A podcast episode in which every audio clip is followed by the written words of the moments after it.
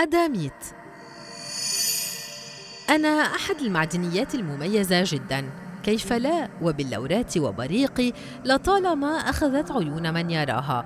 وهذا ليس بالجديد فقد تم اكتشافي في بداية القرن التاسع عشر على يد العالم جيلبرت جوزيف آدم في دولة تشيلي عملياً أنا طيف من زرنيخات الزنك. وأتكون عند تأكسد خام الزنك أو الزرنيخ واختلاطي بمعادن عديدة.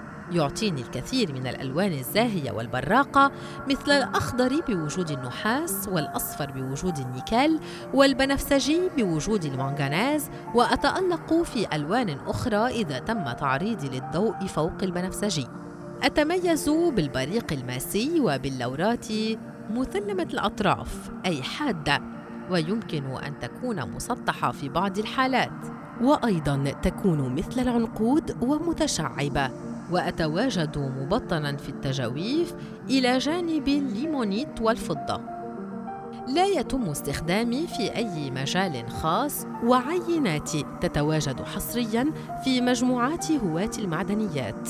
وبالطبع أتواجد في الكثير من بقاع العالم مثل تشيلي والمكسيك وناميبيا وفي القارة الأوروبية في فرنسا.